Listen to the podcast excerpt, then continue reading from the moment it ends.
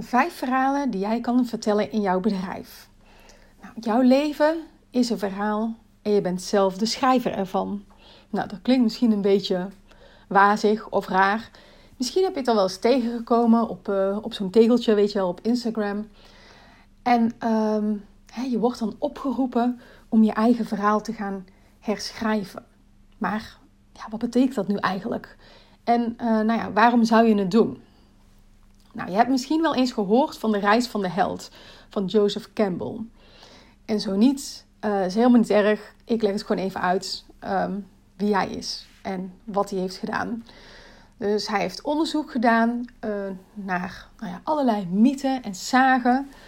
En uh, daaruit heeft hij een soort blauwdruk voor een verhaal gehaald. Hij kwam erachter dat al die verhalen een soort vanzelfde verloop hadden. Nou, uiteindelijk heeft dat geresulteerd in een 12-stappen-plan, wat heel vaak gebruikt wordt voor het, uh, voor het vertellen van verhalen, als een soort van blauwdruk, als een soort van format. En uh, die stappen, dat zijn de stappen die de held in het verhaal doorloopt. En de held, zoals de naam al zegt, is een man, of in elk geval een mannelijk archetype. Dus het hoeft niet per se een uh, man te zijn, maar het vertegenwoordigt wel de mannelijke rol. Uh, het mannelijke, zeg maar. En uh, nou goed, wat ik net al zei, hè, dus de meeste verhalen vormen dit for, uh, format. En dat komt omdat de meeste verhalen uit de oudheid ook verteld werden door mannen en gingen over mannen. Want volgens Joseph Campbell hadden vrouwen het veel te druk met zorgen en werken op het land. Dus daar waren heel weinig verhalen voor. Um, en deze archetypische verhalen die zitten in ons collectief onderbewustzijn. Wij leven deze verhalen, maar dat is zonder dat je je daar bewust van bent, hè? zonder dat je dat beseft. Je kent dat vast wel eens, dat je een, een, boek leest of je kijkt naar een film en dan denk je ineens, ja, dit gaat over mij. Dit is mijn verhaal. En dat hoeft niet letterlijk jouw verhaal te zijn. Je hoeft niet, um, het hoeft niet letterlijk dezelfde gebeurtenis te zijn of letterlijk in dezelfde omgeving af te spelen. Maar er is iets waardoor jij connectie maakt uh, met dat verhaal. En dat komt omdat jij je dan herkent in het archetype. Nou, die herkenning die maakt meteen duidelijk wat de kracht van verhalen is. Omdat levens archetypische verhalen zijn. Ze vormen ook zo'n structuur van het verhaal. Ze volgen die structuur. En als je daar bewust van bent, kun je dit ook gebruiken. Dus je gaat inzien dat bepaalde fasen in jouw leven overeenkomen met bepaalde fasen in een verhaal. En dat ze dus ook onderdeel zijn van het grotere verhaal, het verhaal van jouw leven. En dat jij dus ook niet de enige bent die die fase doormaakt of die bepaalde dingen meemaakt, bepaalde momenten of bepaalde gevoelens ervaart, maar dat ze juist universeel zijn. Als je hierover gaat schrijven, dan raak je mensen op onbewust niveau. Dus dan is wat jij schrijft, levert dezelfde herkenning op als wat ik net vertelde over een film waar je naar kijkt. Nou, dat klinkt allemaal heel leuk en aardig. En je denkt misschien, oké, maar hoe ga ik dat nu doen? Nou, om nu helemaal in te gaan op het archetypische uh, format, dat gaat wat te ver. Ik heb het even makkelijk gemaakt. Ik heb even gekeken, wat zijn nu vijf verhalen en die hebben wel te maken met dat archetypische verhaal. Maar om het even simpel te maken, wat zijn nu vijf verhalen die je nu meteen kan gaan schrijven en die je kan gaan delen in jouw bedrijf? Nou, daar heb ik een PDF van gemaakt. Als je die wilt downloaden, ga dan even naar de, uh, de pagina van deze podcast of ga naar mijn Instagram links.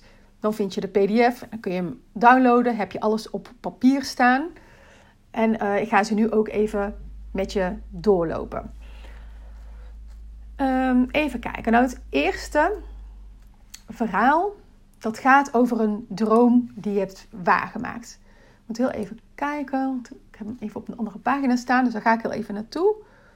Zodat ik niks vergeet en alles vertel.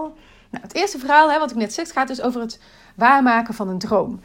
Uh, en de droom is voor jou, um, jouw droom. Dat hoeft niet alleen jouw droom te zijn, maar dat kan bijvoorbeeld ook een droom zijn van een lezer.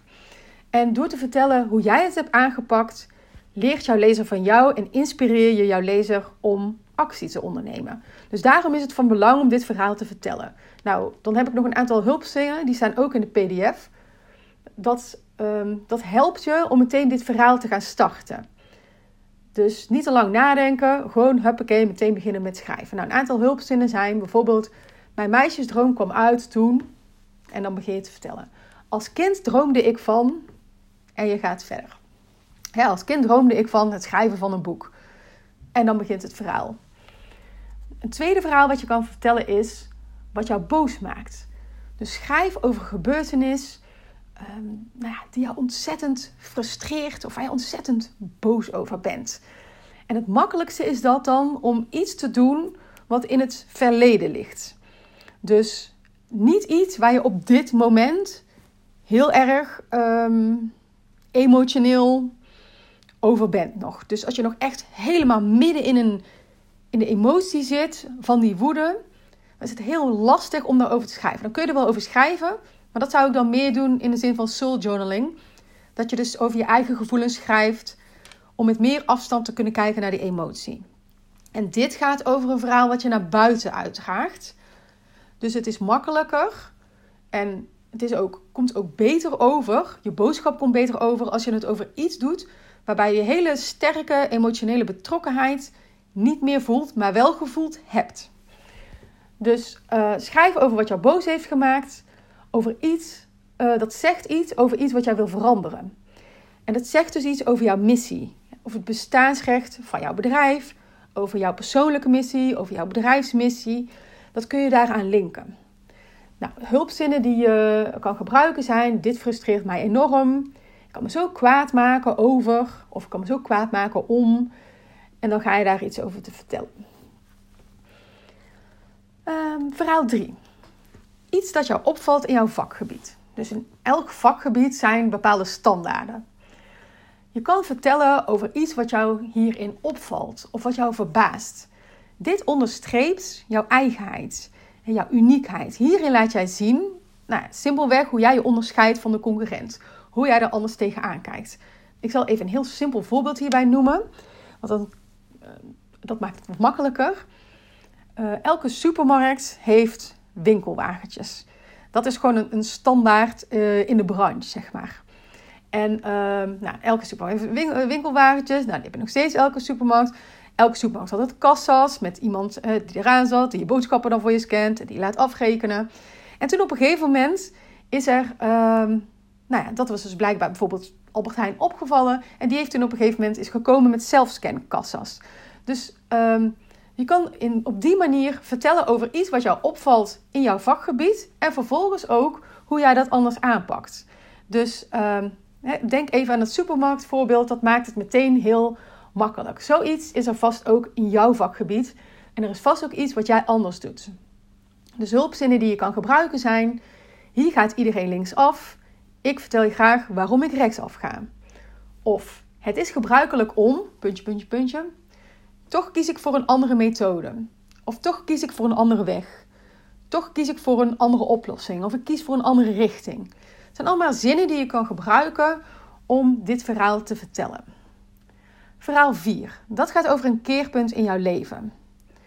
Wie was jij voor dit keerpunt en wie was jij daarna? En hoe verliep het proces? Dus dit gaat over een transformatie. Wat gebeurde er voor dat keerpunt en wat daarna? Dus je laat zien dat jij in staat bent om te veranderen.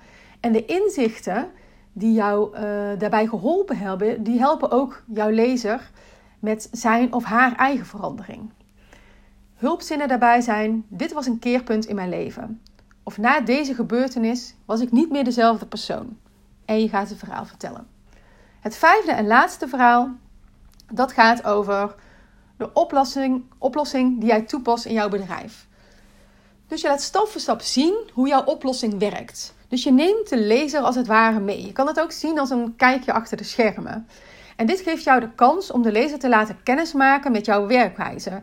Door, uh, dat, daar, door daarover te vertellen, maar door dat ook dan te laten zien. Uh, dat kan bijvoorbeeld door te vertellen over een succesvol project of het verhaal ehm, van een bepaalde klant.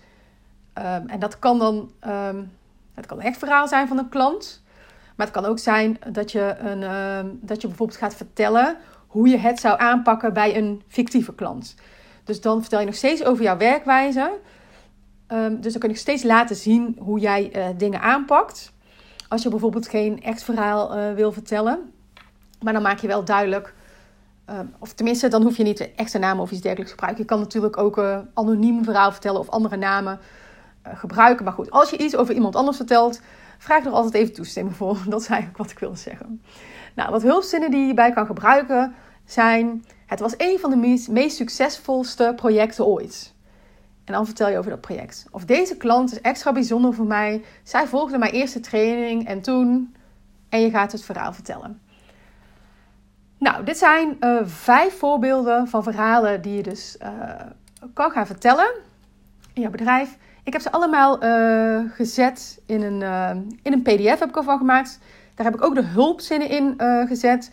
Omdat die, die hulpzinnen, je hoeft ze niet letterlijk zo te gebruiken. Maar het is handig om gewoon even nou ja, als starter te, te gebruiken om het verhaal te gaan beginnen.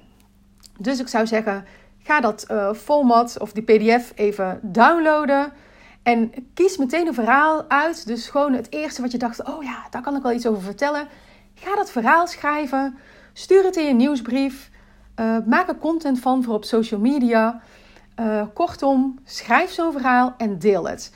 En als je nu zo'n verhaal geschreven hebt, vind ik het ontzettend leuk om het ook daadwerkelijk te zien. Dus uh, hè, gooi het de wereld in, zou ik zeggen. Tag mij op Instagram door Leermakers of op Facebook, en dat is Ginet Leermakers pagina. En dan uh, zie ik het vanzelf voorbij komen en dan kijk ik er heel graag naar. En ik ben er ontzettend benieuwd naar. Um, nou, ontzettend bedankt voor het luisteren weer en heel veel plezier met schrijven.